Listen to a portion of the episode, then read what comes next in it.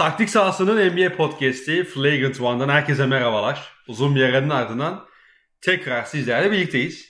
Bugün yine sevgili Bilal ile birlikte e, NBA konuşacağız. NBA'de peki ne konuşacağız? Pasifik grubunun içindeki 5 takımın e, yeni sezonda bir ön bakış atmaya çalışacağız. Kendisiyle birlikte yapılan hamleleri, yapılmayan hamleleri, e, oluşan yeni kadroları ve çok daha fazlasını dilimiz döndüğünce anlatmaya çalışacağız bu grupta oluşan diyor ve öncelikle Bilal'e bir hoş geldin demek istiyorum.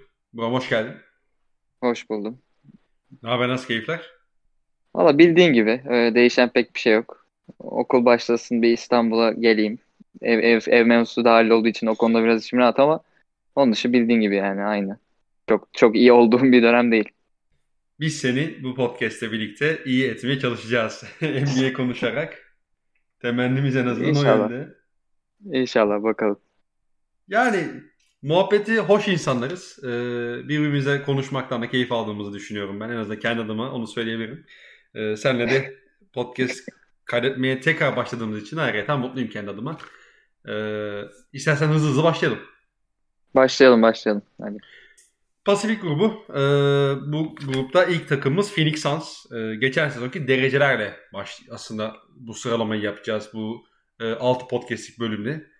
Phoenix Suns e, çok öyle inanılmaz işler yapmadı esasında ve onlar için herhalde en kritik nokta Chris Paul'ün kalıp kalmayacağıydı.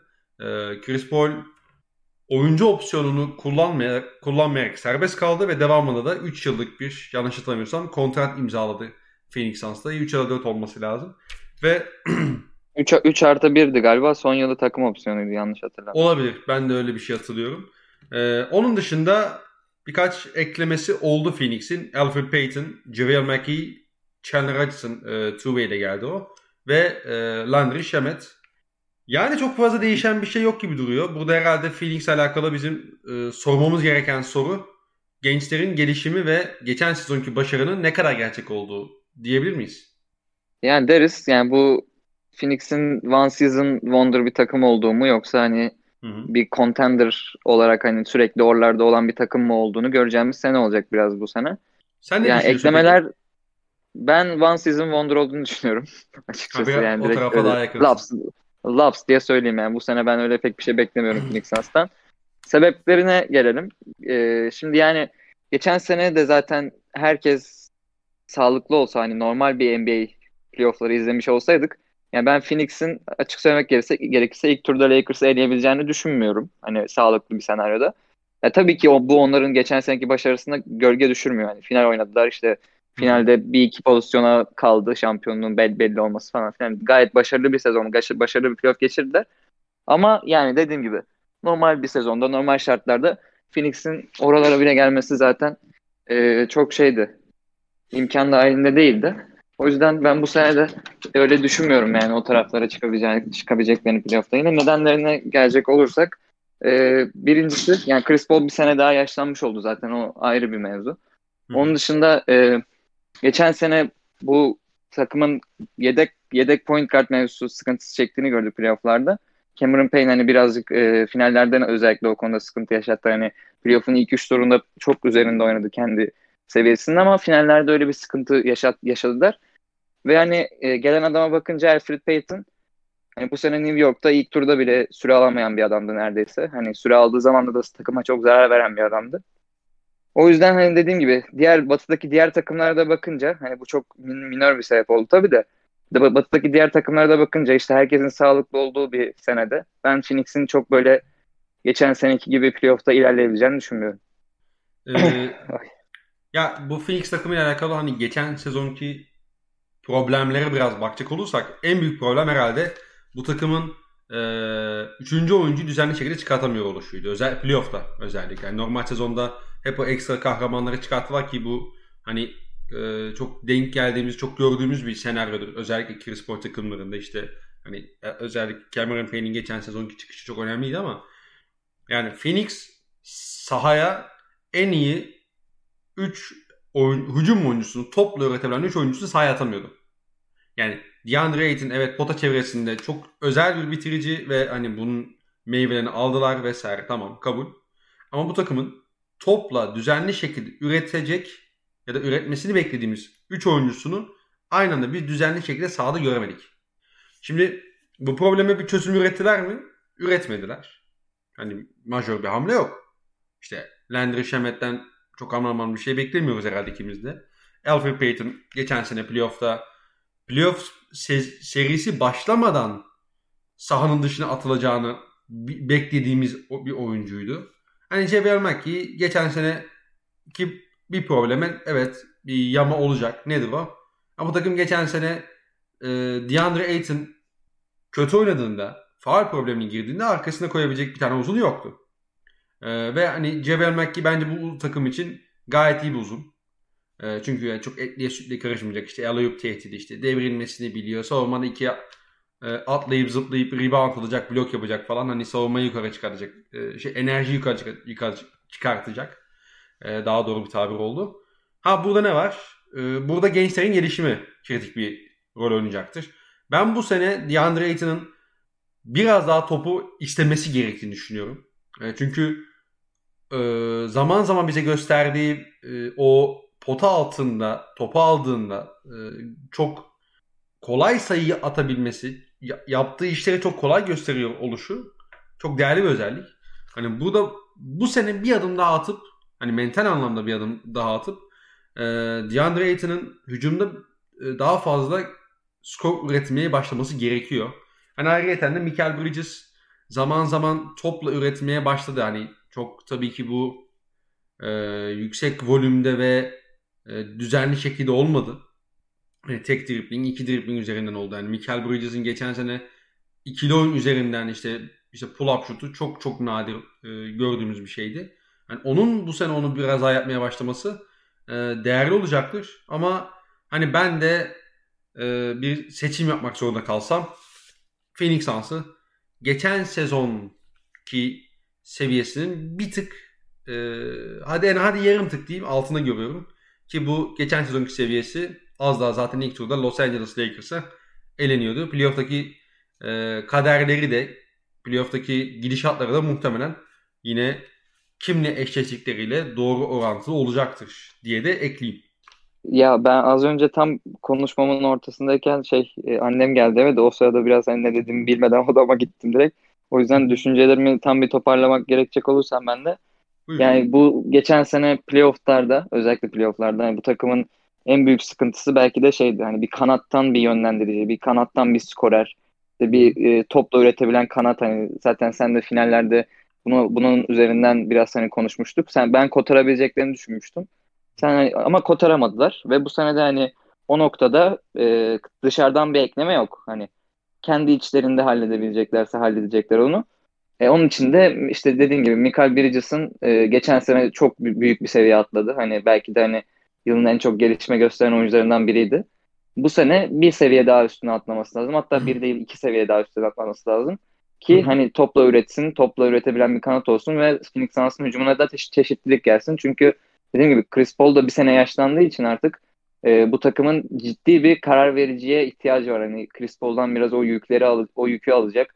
Hücumda hem Chris Paul'dan Chris Paul'un elinden topu alacak hem de e, skor ve karar verme yükünü alacak bir oyuncuya ihtiyacı lazım. Devin Booker e, bunu zaten yapıyor ama bir kanattan bunu yapacak bir oyuncu çok elzem bu takımda. On, orada da dediğim gibi hani bu sezon Phoenix Suns için en kritik oyuncu belki de yine bir Bridges. E, o hı hı. bir gelişim gösterirse Phoenix'in yine playoff'ta iddialı bir takım olacağını düşünüyorum ben ama dediğim gibi hani geçen seneye kıyasla ben bu sene başarısız olacaklarını düşünüyorum. Yoksa yine bence playoff'a kalmakta çok bir sıkıntı yaşamazlar. Ee, ilk, ilk turda gelen rakibe göre yarı finale de çıkabilirler ama sonrası Hı. biraz zor gözüküyor bana yani. Yani bugünden baktığımız zaman Phoenix önümüzdeki sezon Gerçi önümüzdeki sezon çok da fazla takım yok esasında. Hani Clippers olmayacak muhtemelen. Playoff'ta olma ihtimali var. Yani yok değil tabii ki konuşuruz. Ya da playoff'ta olacaktı belki direkt öyle de diyebilirsin ama Kawhi Leonard'ın durumu tabii çok belirleyici olacak bu noktada. Ee, hani Phoenix Suns doğru eşleşmelerle birlikte hala konferans finale çıkabilir bu arada. Kesinlikle. Ya ben mesela e, bir playoff eşleşmesi, eşleşmesinde Lakers'ı, Denver'ı, Dallas'ı ve Clippers'ı hani Kavay'ın döndüğü bir Clippers'ı Phoenix Suns'a göre favori yazarım gibi geliyor. Yani Dallas'ta bir şüphe ettim şu an ama Onun dışında diğer 3 takımı net bir şekilde favori yazarım gibi geliyor. Hatta Portland'ı konuşacağımız zaman Portland'ı da konuşuruz. Portland'ı da hani o seviyelere yazarım gibi geliyor. Ee, peki şey geçelim hemen. Ee, over-under alt üst geçelim seninle abi. Geçen sene bu takım 72 maçlık serüvende 51-21 yaptı.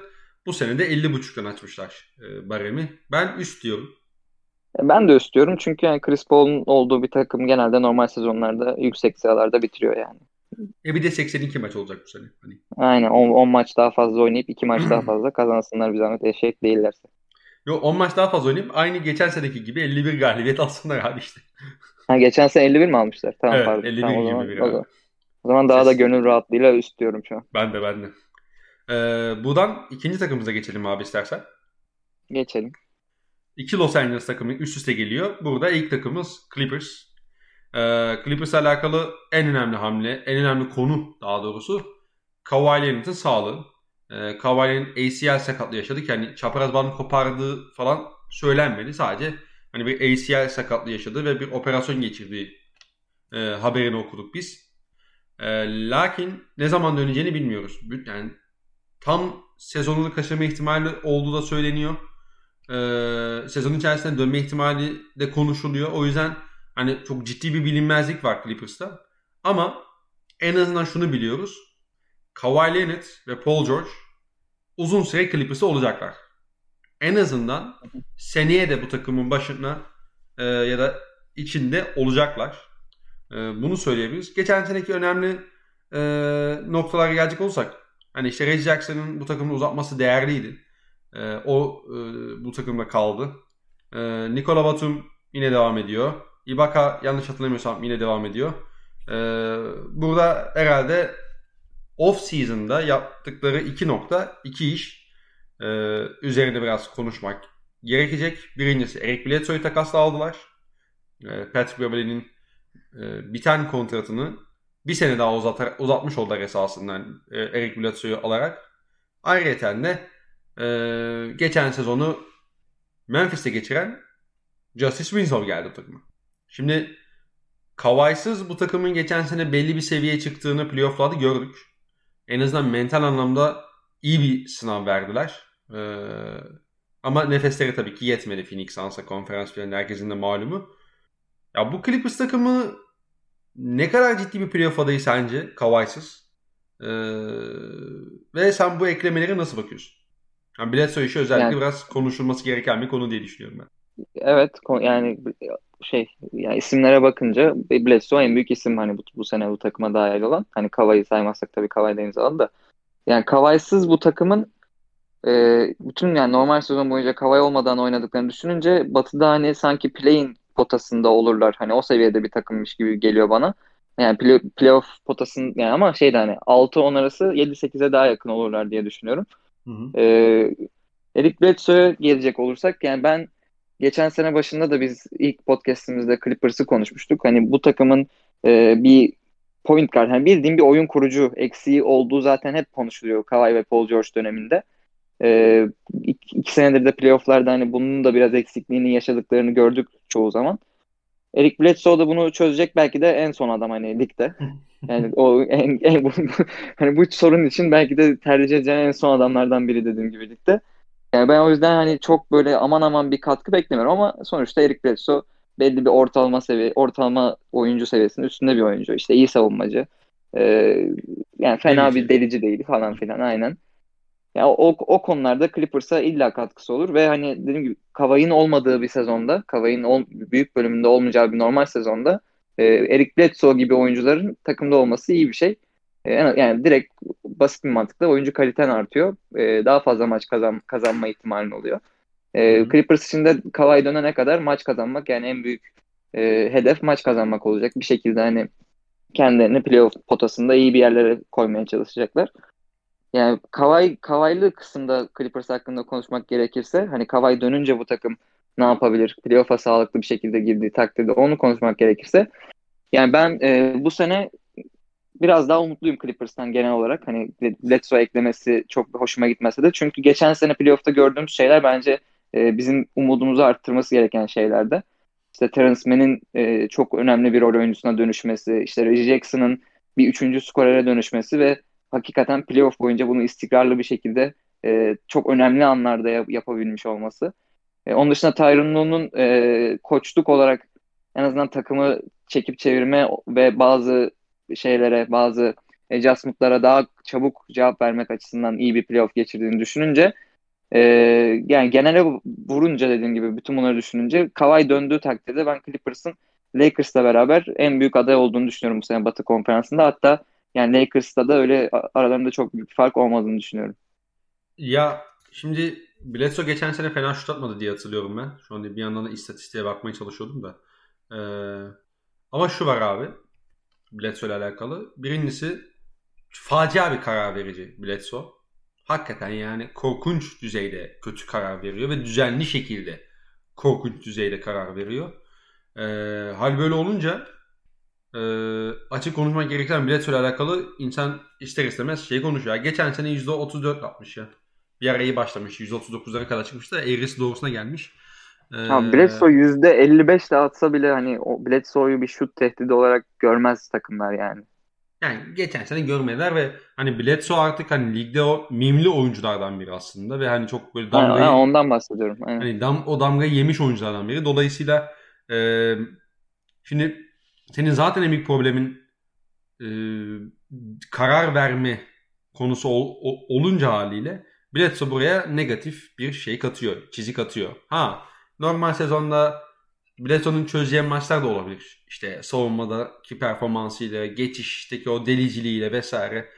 Tabii ki bir katkı verebilir ama e, aslında Bledsoe için de biraz bence finansal açıdan okumak lazım.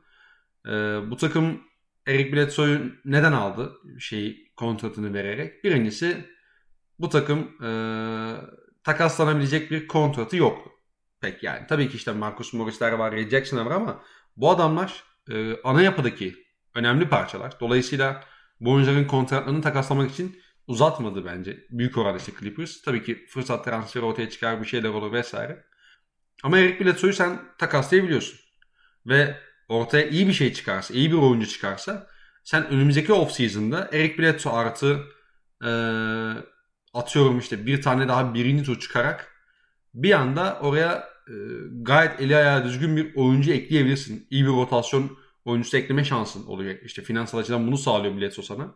Hani oyun bakımından yani topu emanet etmek istemeyeceğim bir oyuncu. Karar vermesi sıkıntılı bir oyuncu.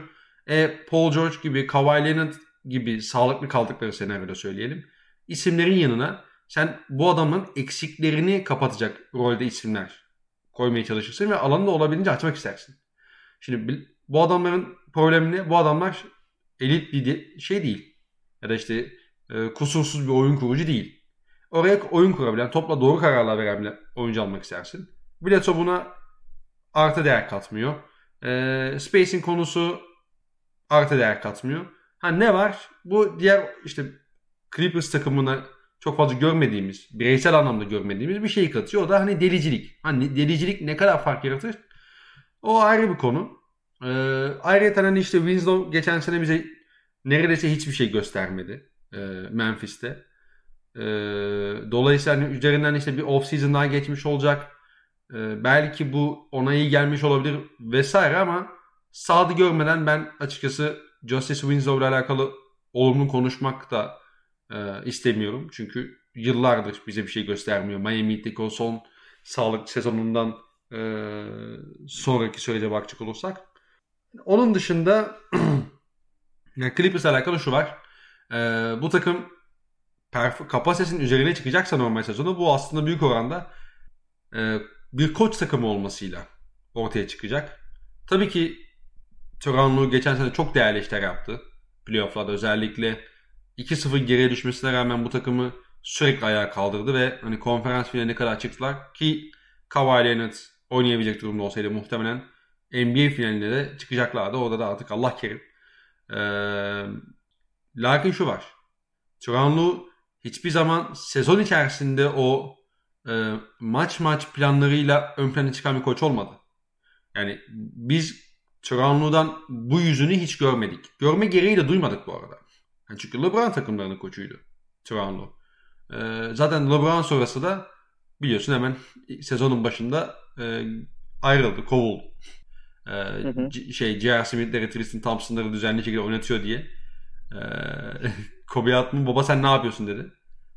Biz gençler oynatıyoruz. Sen hala veteranlarla devam ediyorsun diye e, şey yapmıştı kendisine ve o yüzden de görev ayrılığı e, ile sonlanmıştı bu Lebron süreç. babamın çaktığı kontratlar Tyron Lue'nun da biraz sonu olmuştu evet. Evet, evet, evet. Ee, hani hal böyle olunca hani Toronto'nun hiç görmediğimiz koçluk marifetlerini görmemiz gerekecek. Ama bu da şu anda yine e, yani suya yazı yazmak gibi oluyor. Çünkü görmediğimiz bir şey hakkında konuşmak e, çok da sağlıklı değil. E, ama ben Clippers'ın izlenir yani ortaya izlenir bir şey koyacağını düşünüyorum.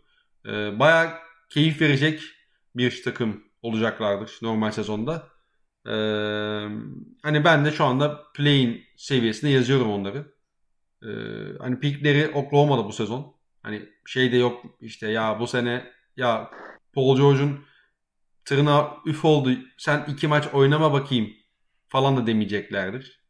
Ee, diyemeyecekler. Yani demeleri için bir sebep yok daha doğrusu.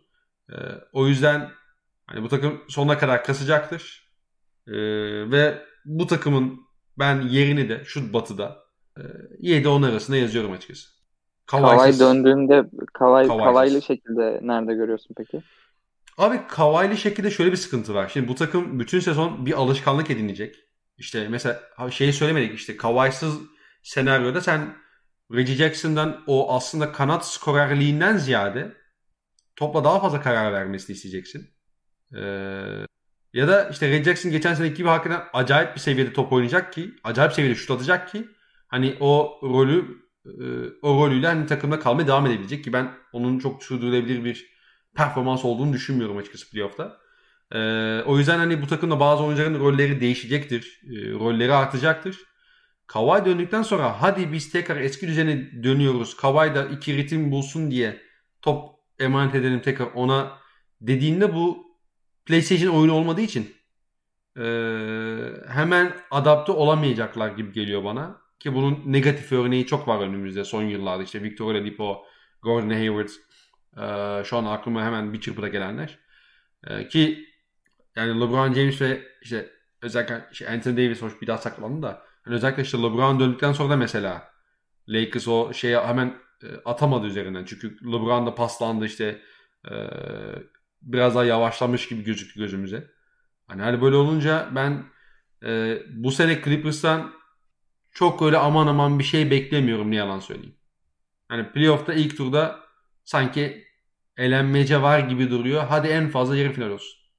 Ben şaşırdım ya açıkçası. Ben sağlıklı bir Clippers'ı üst noktalarda görüyordum yani dediğim gibi ama ya haklısın bir anda hani sezon ortasında hatta belki sezon sonuna doğru bir anda Kavay gelince hani senin dediğin gibi PlayStation oyunu ol, olmadığı için hani uyum sağlamaları falan zaman alacaktır. O sırada hani güme gidebilirler evet o konuda haklısın. Hani şu anda Kavay'ın sağlıklı kals olsaydı şu anda bugün için konuşuyorum. Ya da sezona sağlıklı girecek olsaydı ya da işte atıyorum bir ay sonra sağlıklı bir şekilde girecek olsaydı ki bu arada hani az önce sağlıklı kalan işte sezon ortasında dönen oyunculara bir örnekti Kemba Walker mesela. Şu geçen sezon Boston'da.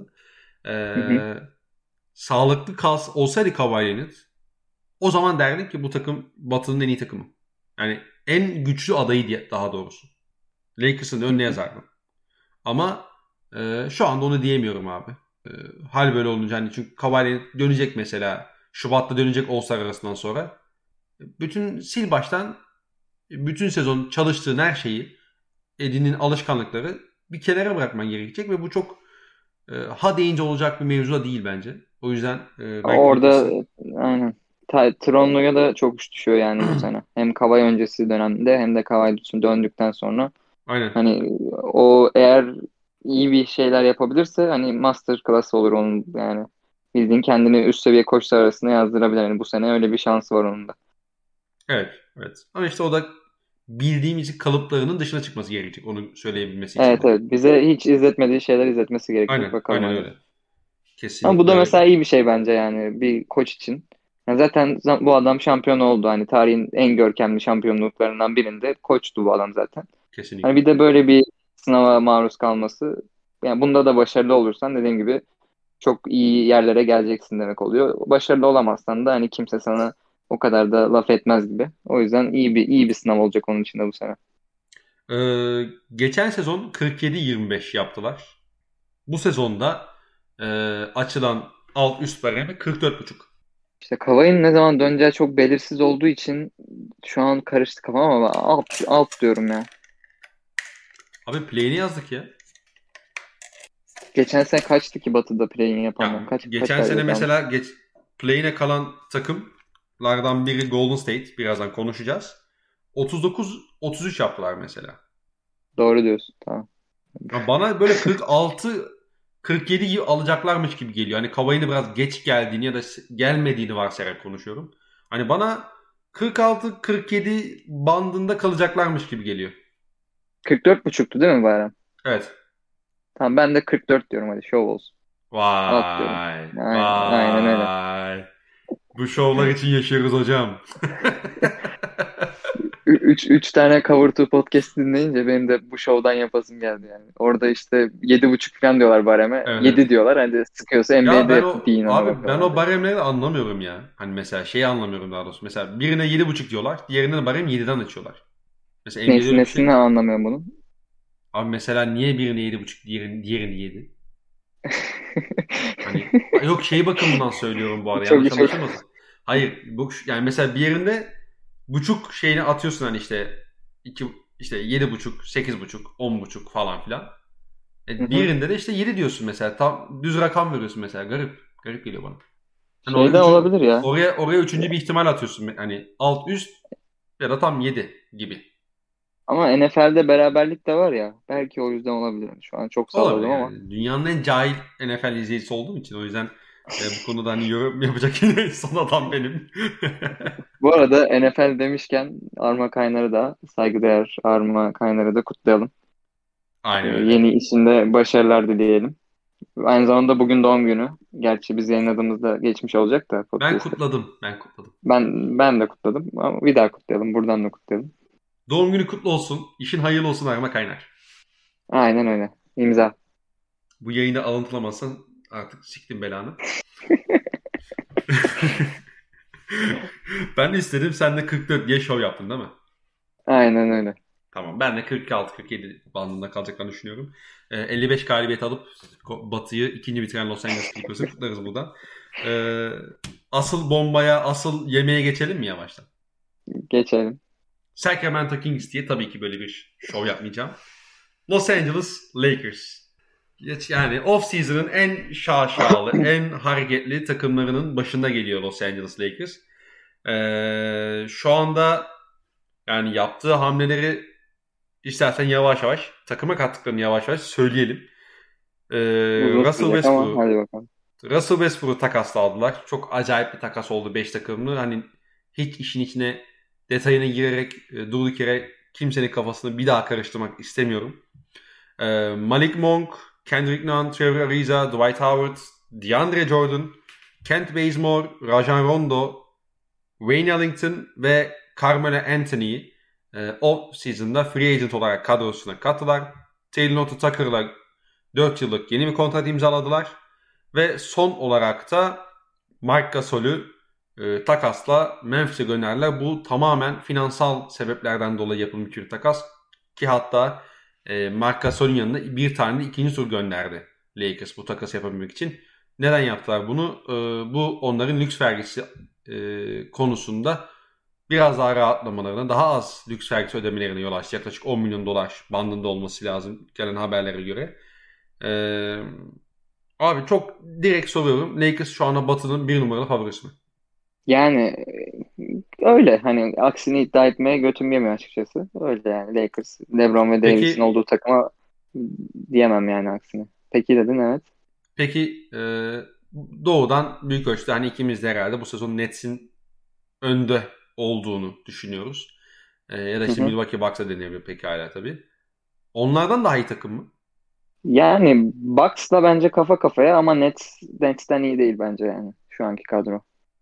Yani yavaştan girebilirim istersen tabii tabii buyur. Yani bu takımı yani sadece şunu söyleyeyim. Biraz e, sen, sana topu atarken biraz daha değerli top bir şekilde atmış olayım aynı zamanda.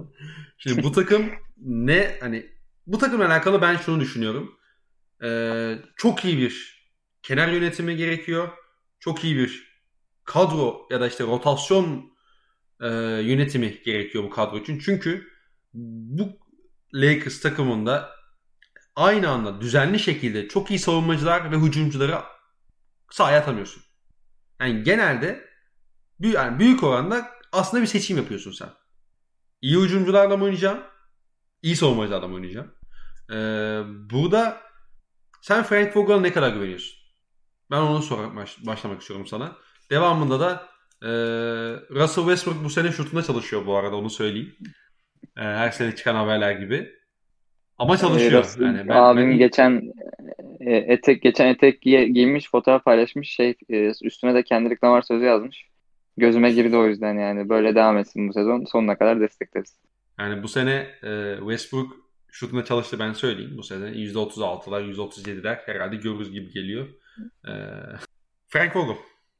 Abi Frank Vogel'a ben e, insan yönetme konusunda güveniyorum. Hani o konuda bir e, iyi işler çıkardığını düşünüyorum ama e, bu takımda bir kimlik yaratmak hakikaten çok zor olacak bu sene. Hani hı hı. takımın kimliği ne olacak falan onlar çok belirsiz ve e, Frank Vogel'ın en büyük halletmesi gereken konu da bu.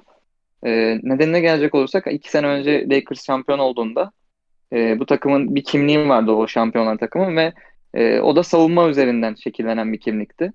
E, o takım da mesela hani yarı sahada çok e, sıkıntı yaşayan bir takımdı. Özellikle playofflarda çok gördük onu. İşte her serinin ilk maçını kaybettiler falan finale kadar. İşte finallerde de yine sıkıntı yaşadıkları maçlar oldu falan. Hani bu takım da yarı sahada sıkıntı yaşıyordu ama asıl sorun orada değil. E, iki sene önce şampiyon olan takımda çok e, hakikaten iyi bir savunma vardı ve o takım çok seçerek tempo yaparak o hücumdaki tıkanmalarının da bir şekilde e, tolere edebiliyordu. E onda nasıl yapıyorlardı? Bir, çok iyi iki kısa savunmacıları vardı takımda. Topa baskı yapma işini özellikle çok iyi yapan işte Alex Carosso'su, KCP'si falan filan. İkisi Avery de gitti. Bradley. Avery Bradley'si aynen. Yani Bradley playofflarda yoktu da sezon başında o da iyi iş çıkarmıştı o konuda. Ee, onun dışında reboundları çok domine ediyorlardı. Ve hani direkt topu aldığı anda e, hızlı hücuma çıkarak yani seçerek yaparak bunu e, hücumdaki sıkıntılarını tolere edebiliyorlardı. Ama bu sene şimdi yani bu takımın yarı sahada e, şey problem yaşayacağı çok belli. Bunları aşmak için tempo yapması lazım. Tempo yapabilmesi için iyi bir savunma takımı olması lazım. Eleman yok hani onun için e, takımda şey yok. Ne denir ona? Aset yok yani. iyi savunma takımı olmaları için Anthony Davis dışında bir aset yok. E, reboundları domine etme kısmında hani Anthony Davis'in 5 e, yani 5 hariç oynadığı dakikaların çok minimize edilmesi lazım zaten bu sezon. Hani 4 numarada çok vakit geçirirse Anthony Davis hani playoff'ta belki finale bile kalamadan ele, elenme sürprizleri falan görebiliriz Lakers'tan. Olabildiğince 5 numarada oynaması lazım. Anthony Davis iyi, rebound, iyi reboundçıdır tamam ama hani o, o seneki kadar bir reboundları domine edebilecekler mi? O sıkıntı. E, tempo yapma ya. konusunda. LeBron var. Efendim? Abi Westbrook'la LeBron var sonuçta. Onun ben çok büyük bir problem yaratacağını düşünmüyorum işi savunma kısmında. Doğru ama şöyle bir şey var. Hani o sene e, rebound'u alan direkt hani e, LeBron'a veriyordu ve hızlı hücuma çıkardı. Bu sene şimdi e, hani hızlı hücuma çık- çıkarken bu takım belli bir ahenk, belli bir düzen içerisinde çıkabilecek mi? Çünkü Westbrook da hani o rebound'u alıp direkt hızlı hücum başlatma konusunda çok istekli bir oyuncu. LeBron da öyle. Hani o düzeni, o ahenk, ahengi hücumda e, oluşturabilecekler mi? O büyük bir e, soru işareti. E, yani yarı sahaya kalmamaları lazım olabildiğince. Bunun için tempo yapmaları lazım. Tempo yapman için iyi savunma takımı olman lazım. Ayrıca biraz da hani kıçını kaldırman lazım. Hani tempo yapıyorsun sonuçta. E, bu takım hem çok iyi bir savunma takımı değil hem de yaş ortalaması ligin en yüksek takımı da büyük ihtimal yani bakmadım etmedim ama yani hızlı tempoda oynamaya uygun bir takım değil ama hızlı tempoda oynamak zorunda. İşte onu ayarlamak da biraz hani hem Frank Vogel'a düşüyor hem LeBron'un sağ içi yönlendiriciliğine, yönlendiriciliğine düşüyor. Hem Westbrook'un biraz kendini frenlemesine belli noktalarda falan filan düşüyor. Yani biraz karma karışık bir takım var elimizde. Ve hani bu takımın dediğim gibi en önemli işi bir kimlik belirlemek olacak kendisine bu sene. Onu başarabilirse yani tabii ki yine şampiyonluğun en büyük 2-3 adayından biri. Ama onu başaramazsa e, yani LeBron'un son seneleri için bir fiyasko bile olabilir bu takım. Yani çok böyle e, iki ucu çok uzak bence birbirine yani ya çok başarılı olacak ya çok e, başarısız olacak bir takım gibi geliyor bana. O yüzden hani riskli bir sene bekliyor bizi Lakers taraf yani Lakers taraftarı değil LeBron severler olarak en azından. Çıkarın şu formanızı da öyle gelin yayına. ya bu e, LeBron'la alakalı şu konuyu e, bir hatırlatmak lazım. LeBron James 2016 şampiyonluğundan beridir. O, o şampiyonluktan sonraki sezondan itibaren en azından e, bir ekstra oyun kurucu, ekstra oyun kurucu e, diye sürekli anlatıyordu. Hep işte Darren Williamson bile geldiği işte o ölü Darren Williamson e, geldiği sezona kadar bu şeyi çekebiliriz işte filmin başını oraya çekebiliriz. Eee o sezondan beri de sürekli işte LeBron James yanında topla üretebilen, işte topla karar verebilen, e, oy, oyun kurma yükünü, oyun yapma yükünü LeBron James'in elinden alabilecek, biraz onu aktif dilendirecek oyuncuların e, sürekli arandığını görüyoruz Lakers'ta. İşte Rajon da bunun bir örneğiydi. Bu sene geri geldi. İşte ilk o Ingram'lı Lonzo'lu sezonda işte Lance Stephenson'lar e, yine gelmişti ki Rondo yine oradaydı. Yanlış hatırlamıyorum. Evet Rondo da o sezon geldi galiba. Hani sürekli bir şey arıyor Lakers. Ee, Le- LeBron James'in sahada kalsa bile aktif olarak dinlenmesine yol açacak e, bir formül geliştirmeye çalışıyorlar. Ee, Westbrook bunu bir kere sağlıyor. Yani en büyük getirdiği noktalardan biri bu zaten. Topu Westbrook'a emanet edebiliyorsunuz. LeBron James yeri geldiğinde bazı maçlarda oynatmanıza bile gerek kalmayacaktır. İşte örnek veriyorum. Ligin en kötü takımlarından biri kim? İşte Oklahoma ile oynuyorsun. Oklahoma deplasmana gidiyorsun. Baba sen bugün din oynamana gerek yok. Yarın back to back'te Golden State maçını oynarsın. Westbrook zaten bu maçı bize çözer diyebilirsin. Bu önemli bir artı. Hani direkt olmasa da en direkt şekilde böyle bir artısı olacak Russell Westbrook'un. Ne ayrıyeten e, şimdi Mark Gasol'ü takasladılar. Evet DeAndre Jordan ve Dwight Howard var ama e, abi artık Anthony Davis'in 5 başlaması lazım. Lamicim yok. Hani Dwight Howard'la DeAndre Jordan'dan biri oynamasın yani. Geçen sene DeAndre Jordan oynamadı. Dwight Howard zaten son yıllarda işte ikinci beş e, uzunu ki playoff'larda 2020 playoff'larında Şampiyon Lakers kadrosunda bir yerden sonra o da oynamaya, oynamamaya başlamıştı işte final serisinde vesaire. Hani o yüzden Anthony Davis'in burada 5 oynaması elzem. Neden? Birincisi elit bir şutör değil ama en azından bir şut tehdidi oluşturuyor orta mesafede. İki, ee, tempo yaptığında Russell Westbrook'la birlikte çok çok çok özel bir ikili olabilecek bir isim. Ee, Anthony Davis. Yani e, Westbrook'un ben oynadığı 4 4 buçuk numaralara şöyle bakıyorum. Geçen sene Rui Hachimura belli bir seviyenin üzerine çıktı. Neden? Çünkü Russell Westbrook'la işte oynadıkları işte pick and pop üzeri orta mesafesi vardı ve en önemlisi açık alanda etkiliydi. Öncesine bakıyorsun işte Jeremy Grant oynadı. Jeremy Grant açık alanda işte kulvar koşabilen e, özel bir e, rol oyuncusu. Ondan çok iyi performans aldı. Ibaka var ondan öncesi. Ibaka ile olan uyumlarını anlatmama zaten gerek yok. E, hani orada biraz Sabonis var arada. O da çaylak Sabonis falan filan. Hani dolayısıyla bu tarz atletik kulvar koşabilen 4.5 numaralarla Russell Westbrook'un sürekli iyi e, nasıl diyeyim ilişkiler kurduğunu ve iyi anlaştığını biliyoruz. Dolayısıyla bu önemli bir yine artı olacak. Ha yani şu var. E, teknik olarak şöyle bir handikap var bu takımla alakalı. Abi bu takım Westbrook ile başlayan tabi iki nokta var abi. Bir e, spacing yani Westbrook şutunda çalışıyor diye biraz makarasını yaptık. Evet kafayı yormuşa benziyor bu sezon.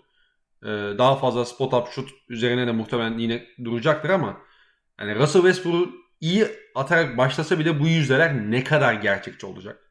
ne kadar gerçeği yansıtıyor olacak? Bu önemli bir soru işareti. Ee, ikincisi de ya bu takım hücumla savunmayı aynı anda nasıl dengeli tutacak? Bu bence çok kritik bir soru işareti. Ee, burada biraz yani Frank Vogel gibi bir koç değil de hani Eric Spoelstra gibi biraz o kadro jonglörlüğü işinde işinin ehli olan bir koça ihtiyaç var gibi duruyor bana. Ee, işte bu 2020 Miami Heat'i mesela bu şekilde aslında. Hani Eric Spoelstra gibi özel bir koç ve bu kadro jonglörlü işini, rotasyon işini kusursuza yakın yapan bir koç sayesinde e, şey koçu sahip olduğu için aslında çıktı NBA finalinde. Hani Dragic'in performansı, Butler falan tabii ki bunlar önemli ama hani nerede kimden ne zaman nasıl katkılacağını çok iyi sezen bir koç Eric Spoelstra. Geçen sene kötü bir sezon geçirdi falan filan onları geçelim.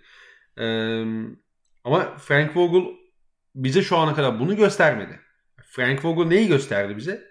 Ben elimdeki iyi savunma takımından elit bir savunma takımı çıkartıyorum. Bunu gösterdi. Geçen sene Anthony Davis ve LeBron James'in olmadığı dönemde de bu takım ligin en verimli savunmasına sahipti. Dennis Schroeder'ler ile oynadığı işte e, Andre Drummond'larla oynadığı dönemde bile. Harold falan filan onlarla. Aynen öyle. Ha ne oldu? Bu sezon bu takım çok iyi bir savunma takımı olabilir mi? Benim soru işaretlerim var abi. Yani Alex Caruso yok. Önemli bir kayıp. Neden? Çünkü sen işte az önce bahsettin ya topa baskı işini çok iyi yapıyor diye. Hı hı. Veriyorsun mesela rakip kısanı karşına. Sabahtan akşama kadar perdenin üzerinden geç. Savaş diye e, Caruso'dan şey bekleyebiliyorsun. E, sen söyle. Hani bu görevi ona verebiliyorsun. E, işte tamam Rondo zeki bir oyuncu bu. Per, savunmada e, perdeyi yönlendirme işini iyi yapabilen bir oyuncu. Bu drop savunması özellikle uzun uzun işini yine kolaylaştırıyor falan filan. Okey ama hani ne kadar şey yapacak Rondo o bir soru işareti. Westbrook e, Westbrook'un yanından ben topu alayım. Yani dribbling yapayım. Ben de bile geçerim. Benim driblingim çok bece- yetenek şeyim e, kısıtlıdır. Ama ben bile mesela driblingle Westbrook geçebiliyorum. Çok kötü durumda yani o noktada. Yani geçen sene bence ona rağmen olgun bir savunması vardı. Hani çok hep şey konuşulur ya Westbrook'la alakalı. Çok fazla kumar oynuyor mesela savunmada diye. Geçen sene hı hı. E, ben onu çok azalttığını düşünüyorum. Hakikaten çok asgari düzeye çıktı onu. Ama tabii ki işte az önce bahsettim yani. Driblingini geçebiliyorsun Westbrook'u çok kolay bir şekilde. Delebiliyorsun onun üzerinden. Ee, işte LeBron James bir yaş daha aldı. Ne kadar şey olacak onu göreceğiz. Ee, şut atsın diye aldığın, topu yönetsin diye aldığın işte mesela bir Kendrick Nunn var. Ya ben mesela Kendrick Nunn'ın çok övülmüş ee, ilk geldiğinde hani devamında yapılan bazı yayınları ya da atılan tweetleri takip etme şansım oldu. Abi Kendrick Nunn öyle aman aman bir ekleme değil ya. Değil yani. Eksi bir ekleme hatta bence. Ya playoff'ta çok o süre al, alır mı zaten hani? Ya almayacak muhtemelen de. Vogel hani playoff'ta o süreleri kesme konusunda sonuçta bazı oyuncuları direkt rotasyondan kesebilir yani bize göstermiş bir koç. Ama şu var abi. Sen işte Malik Monk'u, Trevor Arize'yi, Carmelo Anthony'yi, işte Kent Bazemore'u, Wayne Ellington'ı falan hepsini minimum aldın. Ee, mid-level exception'ı Kendrick Nunn'a harcadın. Yani sen anladığımız kadarıyla Kendrick Nunn'dan bir şey bekliyorsun yönetim olarak da. Yani ne gerek var abi Kendrick Nunn'a bu takımda ya? Ne yapacak yani Kendrick? Yani iki alsın neymiş ya iki tane pick and roll oynasın işte pull up soksun ya. Yapacak senin zaten topu alacak topu yönetecek adamların belli zaten. Yani Kendrick Nunn savunmada eksi yazan bir oyuncu. Hücumda geçen sene çok istikrarsızdı mesela falan filan. Ve playoff'ta kullanamayacaksın. Yani sen bu mid-level exception'ı sanki daha doğru kullanabilirdin gibi geliyor bana. Ee, işte Westbrook'la var sonuçta. Malik Monk enteresan bir ekleme. Hakikaten enteresan bir ekleme. Monk kafayı verdiği ben, zaman Monk eklemesini bayağı beğendim ya. Monk ve Wayne Ellington. Hani o ikisine bayağı sıcağım. Ee, yani Monk eklemesi önemli. Yani geçen sene maç başına 5 küsur denemede bulundu. %43'lük attı. Underrated bir pasör. Onu söyleyeyim. Ee, kendi şey Malik Monk. Ve özellikle Westbrook'la aynı anda sahaya paylaştığı zaman e, açık alanda izlemesi çok da keyifli bir oyuncu haline gelecek. Bunu biliyoruz. E, ben bu takımla alakalı yapılan en underrated hamlenin Kent Bazemore hamlesi olduğunu düşünüyorum. E, Frank Vogel takımında işte bahsettiğimiz o toplu oyuncu savunacak. E, Alex Caruso gibi, Avery Bradley gibi e, sürekli perdenin e, şey üzerine savaşacak, sürekli kendi matchup'ının karşısında kalmaya çalışacak bir kısa önemli. Kent Bazemore topsuz savunması sıkıntılı olsa da toplu oyuncu savunma konusunda e, fena bir oyuncu değil. Ayrıca işin hücum sahasında iyi şut atıyor ve en önemlisi de topsuz oynamayı da biliyor. Kent Bazemore. Kat, e, forvetin o katları düzenli şekilde yani iyi bir şekilde yapabiliyor e, yapması gerektiği zaman. E, Atlanta dönemlerini bile bu da referans olarak gösterebiliriz özellikle. E, Ama işte hani Kent Bazemore şey söyleyeyim bu arada. Kent Bazemore birçoğunun aks, beklediğinin aksine bence çok da düzenli bir şekilde rotasyon oyuncusu olacak. Yani 12. oyun, 3. oyuncu olmayacak muhtemelen. Ee, lakin işte Melo işine giriyorsun. Soru işaretli fit. Rondo işine giriyorsun. Soru işaretli fit. Wayne Ellington sen beğendiğini söyledin. Neden beğendiğini anlıyorum. Ama Wayne Ellington da iyi bir savunmacı değil. Hani hücum değil, getirecek. Söyle, evet. Hücum getir, getirsin diye alıyorsun. Ama savunmada eksi yazıyor bu sefer. Hani hakikaten ee, Batı bu durumdayken Lakers'ın tabii şeyi var. E, önemli bir avantajı var. Bence de şu anda Batı'nın e, bir numaralı favorisi gibi duruyor. Ama işte şey hani Westbrook topsuz kendini asıl noktaya gelecek olursam Russell Westbrook topsuz bir tehdit haline gelebilecek mi? Bütün olay büyük oranda burada bitiyor. Houston döneminde özellikle James Harden'ın çekim gücü sayesinde Russell Westbrook'un o hani Kankura'nın tabiriyle biraz Draymond Green'cilik oynadığını hatırlıyoruz. Yani 4'e 3'leri yönetme konusunda özellikle Capella'lı dönemde. Ee, Westbrook'un böyle bir golü vardı. Yani ikinci yönlendirici olarak e, Harden elinden top çıktığı zaman gayet iyi çıkarmıştı. Lakin e, LeBron James tepede top aldığı zaman böyle bir çekim gücü oluşturmuyor. Öyle bir sıkıntı var birincisi. İkincisi de eee o takımında da bazı şeylerin işlemediğini ve bu Westbrook'un tırnak içinde Draymond Green rolündeki performansı iyi iş olsa da bu takımın hücum performansını maksimize edemediklerini ve devamında da Robert Covington işine girdiklerini gördük. O Houston takımında. Hani burada e, işte Westbrook ne kadar düzenli şekilde LeBron'a perdeci olarak yardımcı olacak. işte tersten piker oynayacaklar. Böyle bir spacing problemini biraz bir yama bulmaya çalışacaklar. Ne kadar forvetten kat yapacak, ne kadar topsuz bir şey yapacak, ne kadar şu sokacak. İş aslında büyük oranda dönüp dolaşıp burada bitiyor. Şu ana kadar da Westbrook bize olumlu yönde tek bir sezon bile göstermedi. MVP sezonu var evet ama orada da hani %37 ile %38'e üçlük atmadı yani. %34 üçlük attı yani. En iyi sezonu %34 üçlük attığı bir sezon oldu e, Russell Westbrook'un. E, dolayısıyla işin hücum sahasında böyle bir e, ciddi bir problem ortaya çıkıyor. Hani göreceğiz. Anthony Davis'in 5'e geçmesi burada bir yama olacak bu işe ki kesinlikle Westbrook'ta Anthony Davis artı bir uzun oynamamalı. Kesinlikle oynamamalı. Ee, normal sezonda ne kadar bunu çok torpiler onu bilmiyorum ama playoff'ta zaten büyük oranda kesmesi gerektiği yerde kesecektir. E, koç Frank Vogel 5 e, numaraları. Ama dediğim gibi Russell Westbrook topsuz bir tehdit haline gelebilecek mi? Şut atabilecek mi? Aslında bu iş biraz da burada bitiyor. Biraz uzattım. Kusura bakma. Yok sıkıntı değil. Eklemek istediğim bir şey var mı? Yani. Yok ya ben de hani endişelerimden endişelerimden bahsettim zaten hani neden bu takımın yaşayabileceği sorunlardan falan filan. Sezon içinde Hı-hı. zaten daha çok konuşuruz yani Lakers'ı. Evet evet yani ee, dediğim gibi o Kendrick Nunn işine hiç gerek yoktu. Pek çok işe gerek yoktu da hani evet. yaptılar artık. Yani Ariza, yani... Ariza fena değil. Hala fena bir ekleme değil. Çünkü savunmada o fiziksel özellikleri onun bir kere e, zayıf taraf savunması da, topsuz savunmada e, değerli bir aset haline getiriyor. Yani geçen sene bayağı kötü şut attı. Ama üzerinden bir off-season geçti. İşte biraz oynadı, biraz üzerindeki pası atmış oldu. Miami'de geçen ya Ar- Ariza'yı en azından şey yapabilirsin hani. LeBron ve Davis de aynı anda sahaya atabilirsin evet, Ariza'yı. Ama Melo'yu Melo'yu atamazsın mesela hani o biraz sıkıntı ekle mesela. Yani, yani Melo şey Neyse, olacak. tamam oralara da girersek çok uzayacak ya boş ver şimdi. Tamam. Aynen. Yani Melo şey işte yani at bakayım şu topu Melo abinin göğsüne. aynen aynen. Hani aslında gerek yok. Bu Lakers takımının en azından. At, atmasak daha iyi evet. Tabii tabii. Ama şu var en azından. En azından şu var. Melo e, Portland'da o e, zayıf taraf şütörlük rolünü bayağı benimsemişti. E, Houston'da ya da işte Oklahoma'da göremediğimiz o spot up şut e, performansını şeyde gösterdi. Tabii ki Portland'ın biraz ona verdiği özgürlükle de alakalı ama e, ya burada da o en azından hani sen baba bugün bizim tamamen köşe şütörümüzsün. Hani post up, most up işte e, isolation falan bunlar kal, bunları bugün kaldırıyoruz dediğinde Melo yine o rolü kotarabilecek e, mental olgunluğa da e, eriştiğini bize gösterdi. O yüzden hani okey ama savunma yapabilecek mi? Yapamayacak yani. O yüzden sıkıntı tabii yine her halükarda. E, geçen sezon 42-30 yaptı Lakers.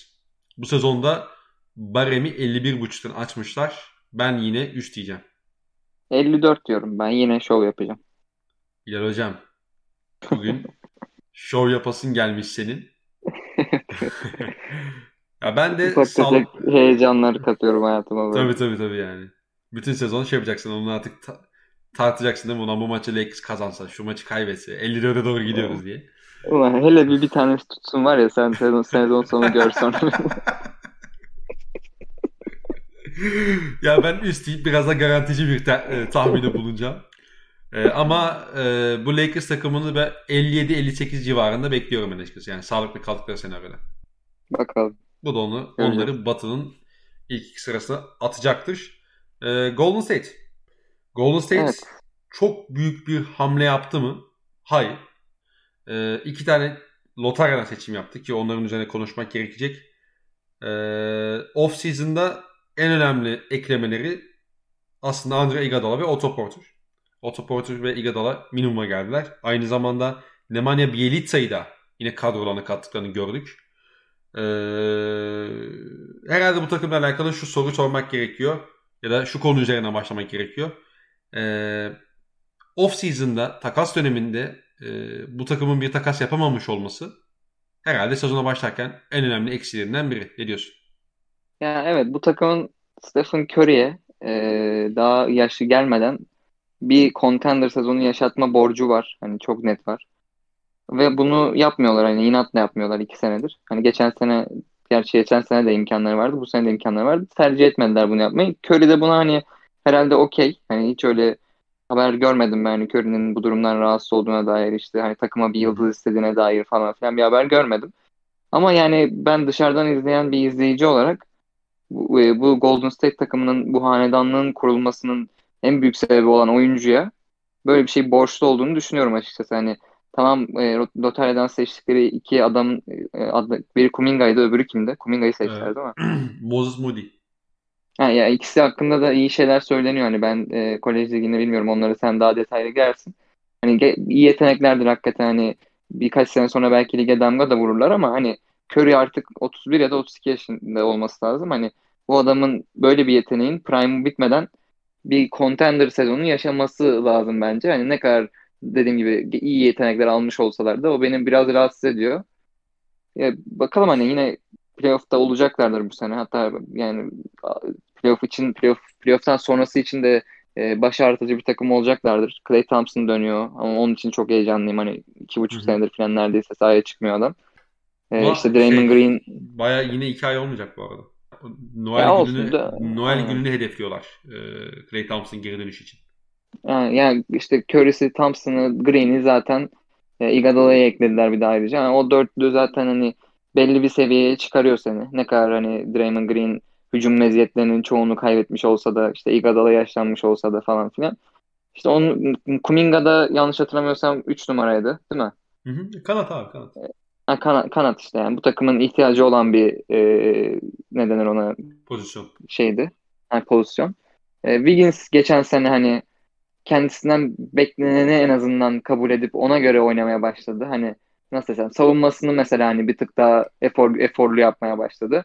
İşte hücumda yine saçma sapan toplar kullandığı oldu. Hatta işte playing maçının son çeyreğinde bile herkes üçlük sokarken bir tane çok kötü bir şutu var bir dakika kala. Hem tercih çok kötü hem de hani şut Panya'nın şey çembere bile değmedi falan. Evet, evet. Yani tarz... falan attı değil mi? Panya'ya Aynen.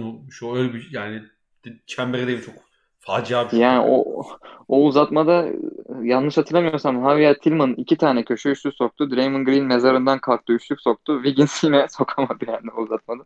Yani öyle kendi rolünü bildiği zaman ama normal sezonda faydalı olabileceğini gösterdi en azından takıma. Ee, onun dışında Otto Porter sağlıklı kalabildiği sürece yani bu çok mümkün olmuyor hani son sezonlarda ama sağlıklı kalabildiği sürece yine bu takıma e, biraz hani ihtiyaçlarını törpüleyebilecek bir oyuncu olabilir. Hı hı. E, onun dışında hani sen biraz istersen şeylere gir. e, seçtikleri iki oyuncuya gir. Hani onları sen daha detaylı biliyorsun. Öyle benim beklentilerim bu şekilde Golden State'ten. Abi bir kere şu var. Golden State yapısı. Biz bunu geçen sene herhalde şeyde de konuşmuştuk. James Wiseman seçimleri de konuşmuştuk. Golden State yapısı bir kere lige gelen, yeni gelen ham ve özellikle rekabetçi seviyede basketbol oynamamış oyuncular için ekstra zor ve çok komplike bir yapı. Şimdi Kuminga'nın evet işte bubble ortamında da olsa bir G tecrübesi var. Ama işte 30 maç oynamadı Kuminga. Ayrıca Kuminga'nın en büyük problemi ne? İki problemini. Birincisi hakikaten çocuk ball stopper. Yani o top eline geldiği zaman kare dedik. Kuminga'da bitiyor. Kuminga'nın eline o top geldiyse o pozisyon Kuminga'nın e, şutuyla ya da top kaybısıyla falan bitiyor. İki, bu çocuğun şutu yok. Yani Stephen Curry gibi bir adamın yanına sen bugünden bahsediyorum. Curry, Clay tamam. Abi 3 tane şutu sıkıntılı adam koyamazsın. Kuminga, Draymond Green. Tamam Weissman atabilir ama Weissman'ın da sürekli potadan uzak konuşlanmıyor sonuç olarak. Şimdi dolayısıyla şuna geliyoruz. Birincisi özellikle Kuminga bu sezon çok fazla süre almayacaktır bence. Ben onun sezonun belli bölümlerinde G League'de de geçeceğini düşünüyorum. E, Golden State'in G League takımında. E, yollarlar mı ya? Beş, o sıradan seçtikleri adamı G League'e yollarlar mı? Vallahi bence yollayabiliyorlar abi. Çok birincisi çok ham. Onu söylemek lazım. İkincisi Golden State'in yapmaya çalıştığı şeye hiç ayak, ayak uydurmuyor. Ee, hakikaten yani aman aman nereye geldik biz bir anda modunu açabilir şey e, Kuminga. Çünkü abi bak geçen ben, sene abi, geçen sene şunu söyleyeyim sadece sana. Golden State'in yükselişi geçtiği dönem ne oldu? Wiseman sakatlandı. Bu yapıyı bilen Kevin Looney ilk 5'e geçti. Golden State e, aynı zamanda Kelly Oubre de Kelly Oubre gibi hani topu her eline aldığında kendi skoruna gitmeye çalışan bir e, kanat oyuncusu yine çıktı orayken Bazemore girdi. Ve şu oldu abi. Golden State Toscan Anderson gibi bir oyuncu da yine eklediler. İşte maç sonunda ona kapattılar falan işte. Jordan Poole iyi bir sezon geçirdi falan filan. Derken şu oldu. Golden State ee, daha değerli toplu ve Stephen Curry ile oynadığının farkında olan bir oyuncu grubuyla oynamaya başladı. Roller daha net oturdu ve Golden State aslında sezonun ikinci yarısında hem daha iyi basketbol oynadı hem de daha iyi sonuç aldı. Daha fazla sonuç aldı. Şimdi Kuminga'yı atmak oraya Curry'nin elinden top almak demek. Ee, Weissman'ı kullanmak yine e, bu motion offense dediğimiz işi olumsuz yönde etki yapmak demek. Ha burada Moses Moody var. E, Moody en azından o e, zayıf taraf şutörlüğünü kotarabilecek seviyede bir oyuncu. İyi de savunmacı. E, benim izleyebildiğim, takip edebildiğim kadarıyla çok fazla izlediğim bir oyuncu da olmadı geçen sene ama e, en azından şut atar. En azından savunmada sana bir şey katar. Ve dersin ki ha tamam Moody düzenli şekilde rotasyonu süre alır. Çok fazla etliye sütlüye karışmaz ilk sezonunda. Tamam devam. Otoporter işi fena bir ekleme değil. Ee, ben Otoporter'ın biraz overrated bir savunmacı olduğuna inanıyorum. Özellikle işin toplu oyuncu savunma kısmında. Ama gelir zayıf taraftan yardımını getirir. İşte forvetten e, alanı daraltır. Gider köşe şutörünü şutörlük görevini yapar. E, arada nadiren de olsa topla işte üretir işte bir orta mesafe sokar işte e, 2 kilonun üzerinden. Ha, Golden State'in yapısı gereği ideal oyuncu mu? Değil ama zaten sen minimum kontrata e, öyle aman aman da bir topçu gezmiyorsun. Ve önemlisi de bence şu otoportu top oynamaya geliyor belli ki. Çünkü geçen e, bu hamle öncesinde ya da hamle olduktan sonra daha doğrusu Golden State imzaladıktan sonra çıkan haberler aslında Golden State'ten daha fazla e, maaş teklif eden takımlar olmasına rağmen işte mid-level exception vesaire teklif eden takımlar olmasına rağmen Otoporter'ın Golden State'i seçtiği e, yönünde haberler çıkmıştı. Yani bu da aslında Otoporter'ın en azından doğru mentaliteyle geldiğini bize gösteriyor.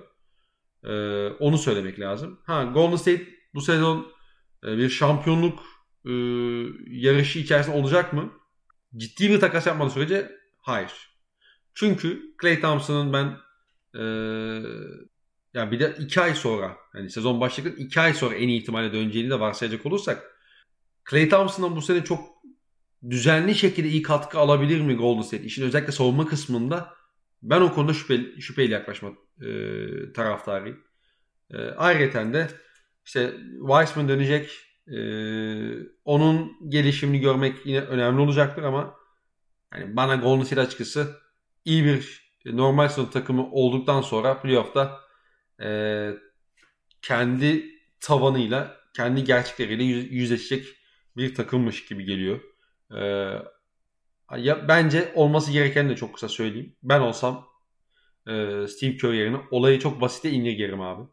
Çok basite indirgerim. Yani sürekli yani Prime Golden State gibi oynatmaya bence gerek yok bu takımı. Oynayamayacak çünkü. Moody hı hı. evet şu tamam şutör, otopot şutör. Evet ama motion offense'te e, sürekli ulan be, ulan ben Stephen Curry ile oynuyorum. Ben Clay Thompson'la oynuyorum. Farkındalığına ulaşmak e, bu oyuncular için kolay bir şey değil. Çünkü sen Aa bak benim bu da forvetle şutum var diyorsun. Ama mesela halbuki topu işte e, örnek veriyorum bir handoff'a girsen Curry orada şut atacak. Hani Curry'nin atmasını istersin daha fazla. Daha fazla onun şut atmasını istersin. E, bu farkındalığa varmak kolay değil.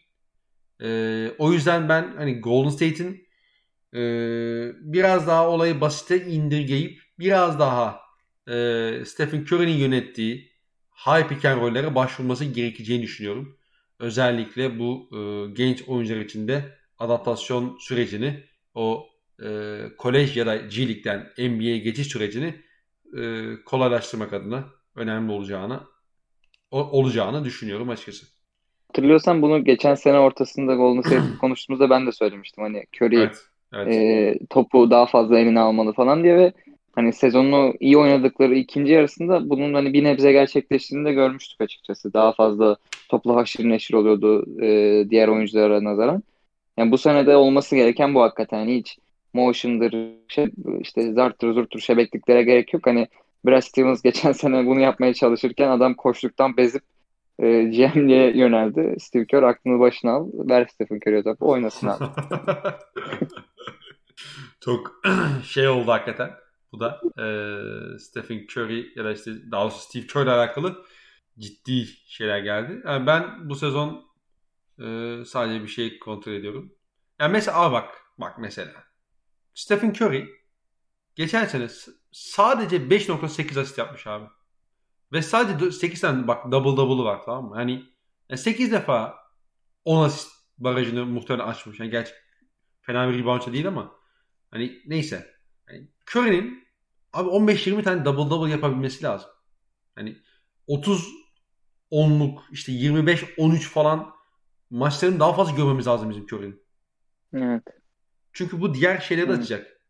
Yani 4-3'ü en iyi yönetecek 3-4 oyuncudan biri sende ya. Hala Draymond Green bu ligin en özel e, 4'ü 3 yöneten adamlarının başına geliyor. biraz daha basite indirgemek e, şey olmayacak abi. Bu hani Golden State'in oyununu baltalamayacak yani. Evet.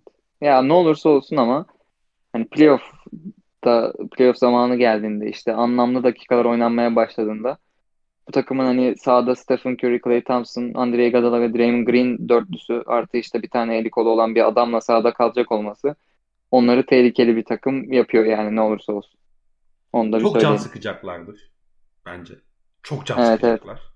Ama bir yerden sonra hani ya bunlar da bizi ne yordu da neyse geçtik bakalım hadi devam da diyecekler, dedirtecekler. Ya evet çok. yani seviyeleri belli bir yerde tıkanacak o belli ama en azından pain in the ass bir takım olacaklar yani orası belli.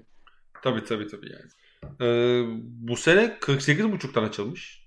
Bayağı zor bir e, barem bence bu arada şey bakımından. Ee, geçen sene 39-33 yapmışlardı. Hı hı. Ee, ve bu şekilde play, play'ine kalmıştı Golden State. Ee, sen Golden State'in alt üst baremine ne diyorsun? hadi şov yap. Diyorum? Hadi. Hadi. 48 diyorum. Oba. Alt oluyor yani. Ama evet. 48. Yani. Ulan bu, bunlardan biri tutarsa var ya hakikaten. Sen zaten bütün herhalde anladığım kadarıyla e, preseason podcastlerini hep şey yapacaksın. Böyle ya tutarsa hesabı. evet evet. Yani 30 tane deneyeceğim işte. Bir tanesi tutar herhalde. O kadar da eşek değildir yani. Estağfurullah canım. Abi ben de Golden State'in hakikaten yani 48-49 bareminde kalacağını, yani o oralarda takılacağını düşünüyorum. Çünkü Clay... Kardeşim cesur, cesur ol tak diye söyle hadi. Ee, geçen sene 39-33 yapmışlar. Yani 45-46 falan yapıyor bu aşama. Hadi lan ben de 49 dedim. Hadi bakalım. Hadi bakalım. Güzel oldu. Öyle biçimden geldi. Aslında bu yoktu. bu yoktu. Anasını satayım. Son takımıza geçelim mi? Geçmesek mi ya falan neyse geçeceğiz mecbur da. Benim anlatacaklarım var. Benim anlatacaklarım var. Ee, abi, ya ko- konuş. Ha, tamam hadi anlat. Sen bir bitir istersen sen söyle ondan sonra gireceğim ben. Ya ko- konuşmalık çok şey var da hani genel olarak olumsuz şeyler olduğu için ve artık sürekli aynı şeyler olduğu için bıktım yani ben bu takımı konuşmaktan. Abi bu Sacramento denen takım e, elinde 3 tane bir buçuk numara varken işte daha doğrusu iki tane bir e, bir numara bir buçuk numara neyse artık varken bir de Buddy Hield varken gitti bir tane daha kısa seçti. Ki hakikaten 6-2 boyunda yani kısa yani şey Davian Mitchell. Ve bu çocuk otar seçim bu arada. Ben Davian Mitchell'ı inanılmaz seviyorum. Harika bir topçu. Hiç itirazım yok. Ama bu takıma alacağım oyuncu muydu? Alırsam da ben ya ben şunu bekledim abi. Davian Mitchell alıyorsan sen Buddy Hield'ı gönderiyorsun en basitinden. Yok. Gitmedi Buddy Hield. Kaldı devam ediyor. E, 4 numaranda Marvin Bagley gibi bir oyuncu var. Onu oynatman lazım. E, bu şu demek oluyor. Hani geçen sene bu takımın özel kılan nokta neydi? 3 kartlı düzenle çok iyi gözüküyorlardı. Çünkü bu sizin e, hücumda daha fazla alanı paylaşmanızı yol açıyor. E, daha fazla toplu tehdit haline getirebileceğiniz oyuncuda sahada kalmanızı yol açıyor ve otomatikman siz daha iyi bir hücum takımı oluyorsunuz ve Tyrese Halliburton'un maç sonlarını gayet iyi oynadığı için özellikle son çeyrekli daha genel anlamda son çeyrekte daha iyi oynadığı için e, Kings bir ara çok böyle üst üste galibiyet serileri yakalamıştı. Neyse. E şimdi sen de Harrison Barnes'a 3 numarada rol vermeye devam edeceksin. Mo Harkless yine o da rol almaya devam edecek. E, bu otomatikle senin zaten guard rotasyonundaki dakikaları bölmen anlamına gelecek. Düz mantık. E, dolayısıyla bir kere sen niye böyle bir işe girdin? Madem bu işe girdin, body yield'ı niye bir yere çakmadın? Bunu konuşmak bence önemli bu takım için. E, işin teknik boyutuna gelecek olursak bu takımın en büyük problemi bence kendi seviyesi ölçeğinde söylüyorum. Bu takım rebound alamıyor. Bu takım e, iyi savunma yaptığı pozisyonlarda bile bunu rebound alıp geçiş, geç, geçişe çıkarak ödüllendiremiyor ve buna kağıt üzerinde fena bir ekleme ile yama yapmış gibi gözükseler de ben bunun pratikte öyle olacağını düşünmüyorum. Tristan Thompson kağıt üzerinde tekrarlıyorum bunu. E, Kings için iyi bir ekleme. Neden? Çünkü geçen sene Richard Holmes Steven Adams'la karşılaşıyordu. Jonas Valanciunas'la karşılaşıyordu. Richard Holmes çok affedersin ama götünü yırtsa bile ince ve kısa olduğu için rebound mücadelelerinde sürekli eziliyordu. Box out yapmaya çalışsa bile Steven Adams Richard, e, Richard Holmes'un üzerinden elini kolunu sallaya sallaya hücum reboundları alabiliyordu. Ya da işte diğer hani hücum reboundlarına girebilen ve e, rebound, rebound Fizik, fizikli 5 fizikli kabaca aynen öyle, öyle özetleyebiliriz. Fizikli 5 numaralar elini kolunu sallaya sallaya Richard Holmes'un üzerinden rebound alıp takımına ikinci, üçüncü, dördüncü, beşinci hücumu şanslarını tanıyabiliyordu. Tristan Thompson'ın en büyük getirisi ne? Tristan Thompson evet undersized bir uzun yine. Lakin inanılmaz bir götü var. Ve kendi rebound almasa bile o box out yapabilme becerisiyle etrafındakileri rebound aldırabilir. Evet. Ama Tristan Thompson'ın en büyük götürüsü ne? Tristan Thompson birincisi işin hücum sahasında topu eline emanet ettiğinizde birinci pas opsiyonu elinden alındığı her senaryoda topla saçmalamaya başlıyor. Geçen sene Brad Stevens'ın Boston Celtics'inde bile bunun ortaya çıktığını gördük. Tristan Thompson'ı belli bir hücum rolüne, belli bir kalıba yerleştirebilmek için bu adamın yanına Chris Paul, Russell Westbrook, LeBron James, James Harden gibi isimleri vermek gerek. Çünkü bu adamlar olduğu zaman Tristan Thompson ya bak handoff'u oynayamadım ben. Dur bakayım ben şimdi burada bir fake handoff'la potaya kadar giderim. Orada işte iki ittirir kaktırırım ben orada skorumu üretirim demeye başlıyor. LeBron sonrası Cavs'te yaşadı bunu. Boston Celtics'te yaşadı bunu. Cleveland şeyde Sacramento'da yine yapacak. Yine yaşayacak. Marvin Bagley dediğimiz oyuncu dördüncü sezonuna giriyor. Bir türlü sağlıklı kalamıyor. Her sene sakatlanıyor. Ee, ayrıca Marvin Bagley'nin yanına bak şunu söyleyeyim sana. Marvin Bagley'nin en iyi gözüktüğü dönem neydi abi? Dönemi hatırlıyor musun? Marvin Bagley ilk senesinde bir sanki iyi gözükmüştü bir ara. Ben evet. başka iyi gözüktüğü bir dönem hatırlamıyorum. Niye abi? Çünkü birincisi bu takım çok yüksek tempo yapıyordu. Sayı yese bile inanılmaz bir tempo kasıyordu. Ee, Dave Yeager'ın son senesinde. İkincisi de yanında Nemanja Bjelica ile oynuyordu. Nemanja Bjelica ne yapıyor abi? Nemanja Bjelica bir kere dışarıda oynuyor. Hiçbir şey yapmıyorsa bile. Ve bu bir kere Marvin Bagley'nin aslında hücumda defakto 5 numara oynaması anlamına geliyor. Ayrıca pasör bir oyuncu. Dışarıda pas situasyonu oluşturuyor. Bu e, özellikle Duke'da şeyde çok sık görmüştük. Wendell Carter'la beraber çok mesela high low oynuyorlardı. İşte Wendell tepeye çıkıyordu. Marvin Bagley içeride post pozisyon alıyordu. Wendell ona e, sürekli her maç asist yapıyordu mesela. Bunun bir benzerini, bir farklı versiyonunu e, Bielitsa ile oynayabiliyorlardı. Ama Bielitsa yaşlandı. Bielitsa iyice artık elden ayaktan düşmeye başladı falan filan. O da gitti. E şimdi sen 5 numarayla daha oynatıyorsun şeyi. E, Richard Holmes oynatıyorsun. Richard Holmes oynamasa Alex oynayacak ya da Tristan Thompson oynayacak. E bu adamın potaya yaklaşma işi kolay olmayacak ki. Zaten pota, potayı e, düzenli şekilde kapatacak bir isim olacak. Ayrıca De'Aaron Fox kusurlu bir yani kusursuz bir şütör değil. Hani %39'larla %40'larla üçlük atan bir oyuncu değil. Dolayısıyla hani e, alanı da mükemmel şekilde açamıyorsun Marvin Bagley için. Açsan bile Marvin Bagley dediğim gibi sağlıklı kalamıyor. İkincisi de şey, en büyük problemi şey. Hala ham. Birçok özelliği hala ham Marvin Bagley'nin. Ve potaya yaklaşma, yani potaya yakın oynaması gereken bir 4 numara. 4 numarayı niye söylüyorum? Çünkü savunmada 5 numarayı koyamıyorsun. Ya sen bu çocuğun yanına hakikaten Miles Turner'ı girip alacaksın. Yeri geldi overpay edeceksin. Diyeceksin ki babacığım bak hücumda bu adam alan açacak sana. Savunmada da senin yapamadığın çember koruma işini yapabildiği kadar yapacak diyeceksin. Ve e, böyle bir çözüm yoluna gireceksin mesela. Ama öyle bir şey de yok şu anda.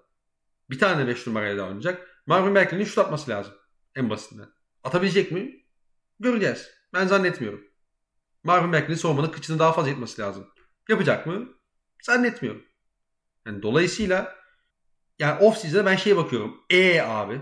E ne yaptın sen şimdi? Ne, bu takım neyini geliştirecek ki? Neyini geliştirecek ki? Neyini geliştirecek? Batı'da çok fazla çöp takım Takımların efendim? Bu sene Batı'da çok fazla çöp takım var. Kötü. Evet yani yok ben şeyden bahsedecektim. Yani normalde NBA'de takımlar hani sürekli en üst seviyede olamaz değil mi? Hani illa bir bir çöküş dönemleri olur falan hani bir yeniden yapılanmaya girerler işte arada geçiş seneleri olur falan filan.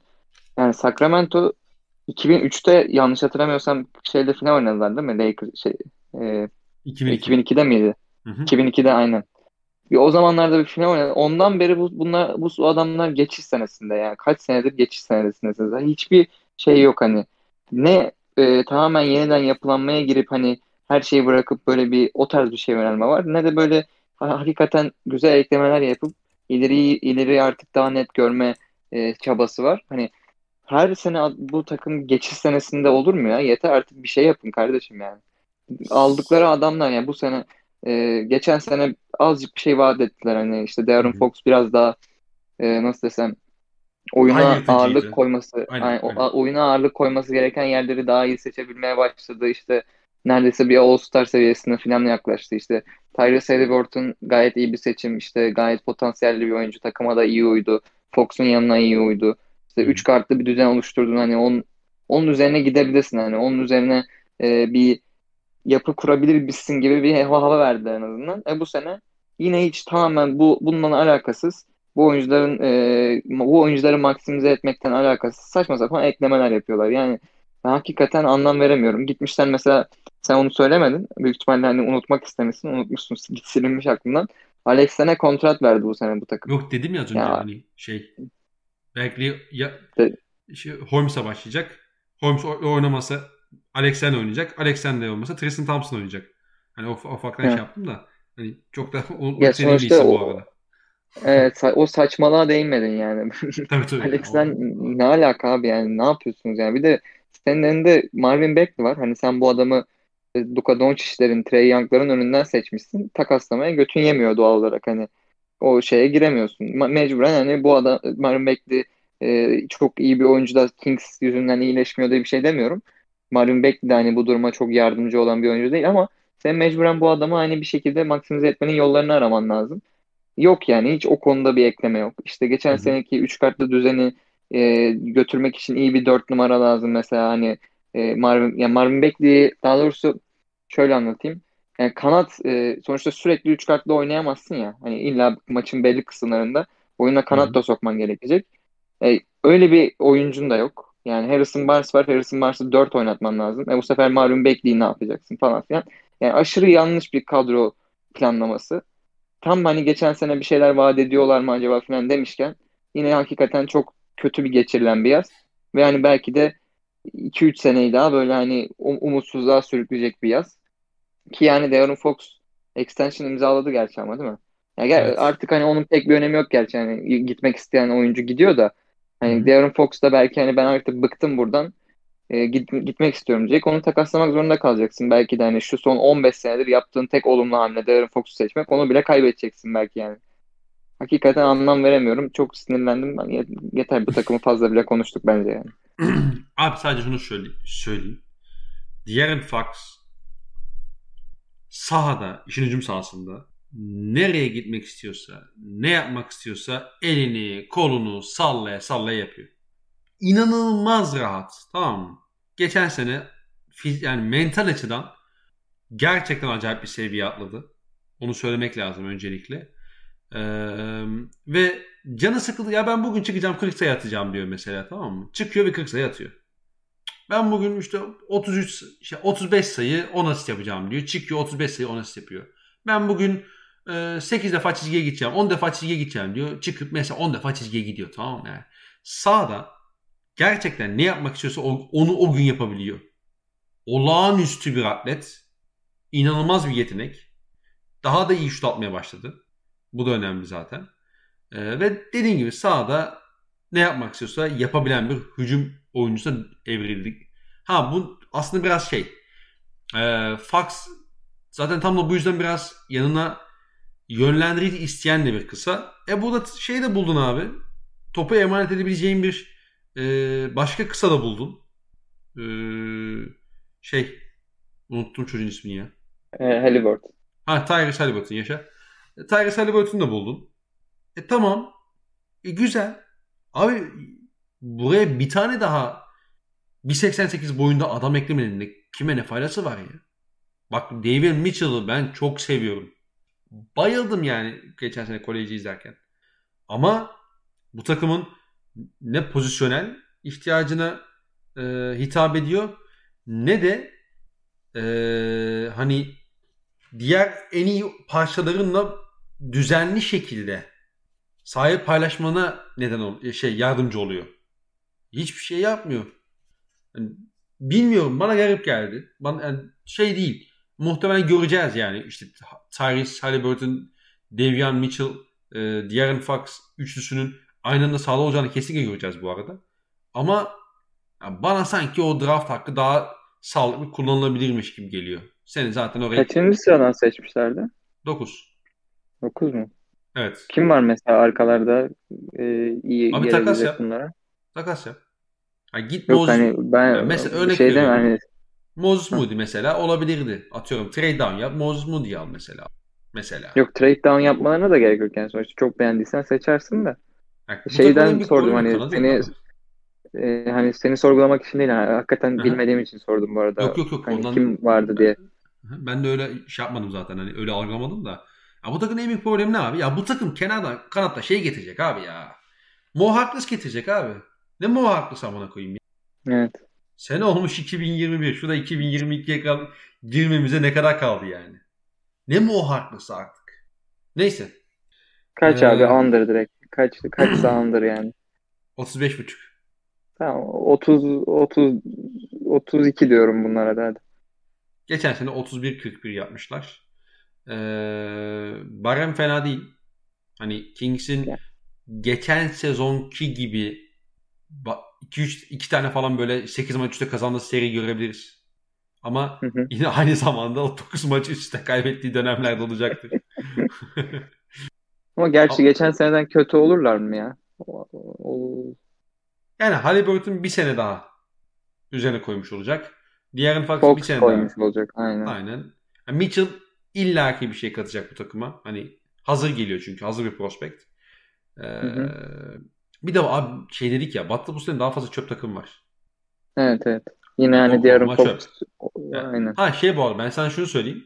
Oklahoma kısmını zaten değiniriz de. Oklahoma salkı kalırsa o çöplerin en iyisi bu arada. hani ligin en kötü takımı falan diyorlar Oklahoma için. Ben hiç katılmıyorum buna. Hiç katılmıyorum yani onu söyleyeyim. Kardeşim sen bize diyorsun da sen kendin çıkar şu formanı öyle gel ya valla.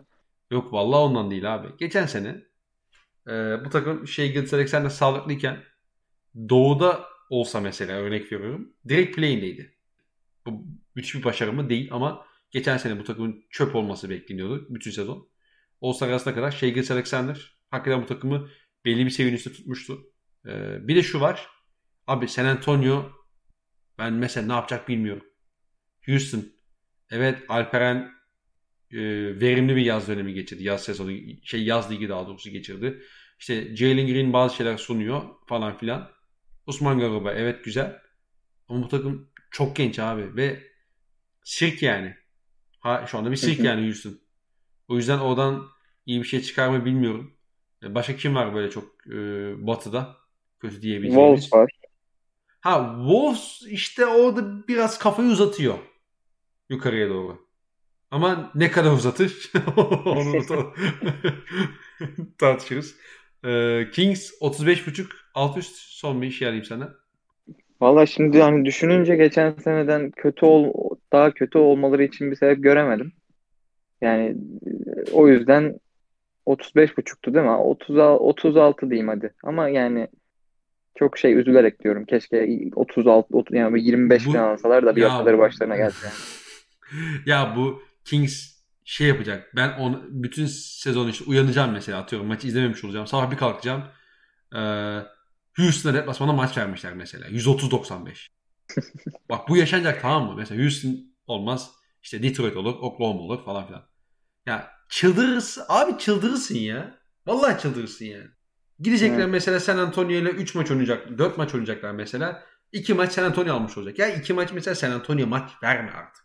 Anlatabildim mi? Ama verecekler. Ya böyle işte bu batıda playoff yapmanın yolu yani bu tarz cepte gözüken maçları olabildiğince sektirmemek lazım. Toronto şey Toronto diyorum. San Antonio yıllarca bunu yaptı. Mesela. Yıllarca Hı-hı. bunu yaptı. En kötü takım kim diyelim? Aa Houston mu? Oh ben tamam Houston tokatlayıp gönderiyordu mesela. Atıyorum. Ama bu Kings takımı e, onun şu anda bana en azından göstermiyor. Açık konuşmak gerekirse. Ama e, ben de 36-37 bandlık olacaklarını düşünüyorum ya. Herkese üst demiş oldum ben bu herhalde ama e, bu da böyle bir division. Bu da böyle bir e, grup. Ben de yani. o yüzden 36 hadi 37 diyeyim ben de şov yaptım hadi. Hatta da 38 evet. diyorum lan. 38. 38 dedim. Tamam. Play'ine sokacaksın sen yavaş yavaş. Abi yani Batı geçen sonlara nazaran biraz daha kötü durumda. En azından çöp takım daha fazla. E orada play'in yarışında olurlar. Nefesleri yeter mi? Herhalde yetmez. E, ama onu da zaten ilerleyen podcastlerde konuşuruz. Deadline'a doğru bence Harrison Barnes takaslanır bir contender'a. Hatta bu e, contender'ın contender'ın Boston Celtics olma ihtimalini az görmüyorum. Yani tabii sezonun başlangıcında nasıl bir hı hı. Top oynayacağına bağlı Boston Celtics'in de. Ya doğudan bir takıma takaslanacak hissi var nedense içinde gereksiz bir şekilde. O Harrison Barnes takasından gele, gelecek hani o asetlere falan ba- bakarak hani belki Sacramento Kings'in geleceği hakkında olumlu şeyler konuşmaya başlayabiliriz. Yani Harrison Barnes takası ne getirecek en fazla orası ayrı bir mesele de en azından hani mentalitelerinin değişip değişmediği konusunda bize fikir verir. Onu da bir ekleyeyim son bitmeden. Abi bana da şey gibi geliyor. Hani Harrison Barnes şey takaslanacak e, duruma gelirse bu Kings'in facia bir sezon geçirdiği anlamına gelir. Yani play'in evet, için bile doğru. uzaktan kalmış olmaları anlamına gelir. İddialı kaldıkları her senaryoda e, bence böyle bir topa girmezler ama girer hani Barnes'ın artık bir yavaştan hani Kings'ten çıkıp bir e, contender'e gitme serüveni de hani bu sezon içerisinde olması da sanki off season'da biraz daha ciddi şekilde dinlendirilmeye başlanabilir gibi geliyor bana da. Varsa son bir güzel. e, cümleni alayım onu sonra da kapatalım yavaştan. Yok yani gayet güzel aktık. Yani 45-50 dakika demiştik. Kaç dakika oldu bilmiyorum ama bir buçuk saat falan oldu yine herhalde. Bizde de bu var. Yapacak bir şey yok yani. Karıştır, o, o, orasını ederim. karıştırmayalım da. Şey yapmayalım fazla.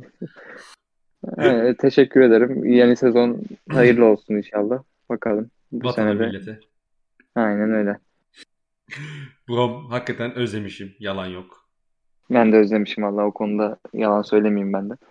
Böyle bir gevezelik yapmayı vallahi özlemişim böyle bir NBA ile alakalı. Yine boş boş atıp tutup durduk yere sinirlenmeyi falan. Ee, özlemişim. En önemlisi de senle e, muhabbet etmek her zaman büyük bir keyif benim için. Ee, onu da ayrıca özlediğimi söyleyeyim. Ee, Çok teşekkür ederim. Aynı şekilde. Alperen olmayınca git sıyma tabii. Hakikaten bir Alperen de gelsin de bir senin üstüne gidelim ya. Senin üstüne gitmeyi de özledim ben bak. Yani tamam konuşmayı falan filan özledim de. Üstüne ya da oklama, oklama konuşacağımız podcast'ta Alperen'i çağıralım da. sen sen böyle 15 dakika falan anlattır oklamayı. Biz de böyle en sonunda tamamen sırf seni sinir etmek için bir şeyler söyleyelim ve podcast'i kapatalım yani. Tamamen bundan ibaret bir podcast olsun. İğrenç insanlarsınız. Kapatıyorum ben yayını. Dinleyen herkese teşekkür ederiz. Ee, bir sonraki bölümde görüşmek üzere. Hoşçakalın. Hoşçakalın.